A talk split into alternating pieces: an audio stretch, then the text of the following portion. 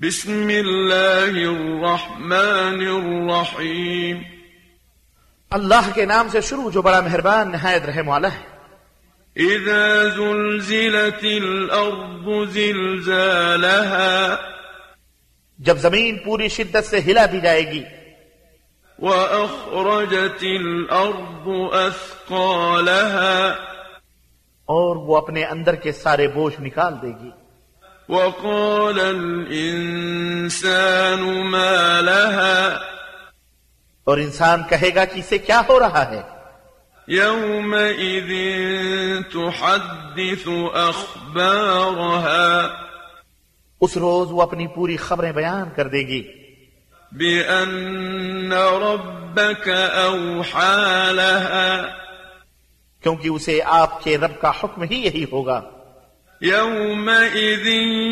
يصدر الناس أشتاتا ليروا أعمالهم उस दिन लोग मुतफर्रक हो जाएंगे ताकि उन्हें उनके अमाल दिखाए जाएं فمن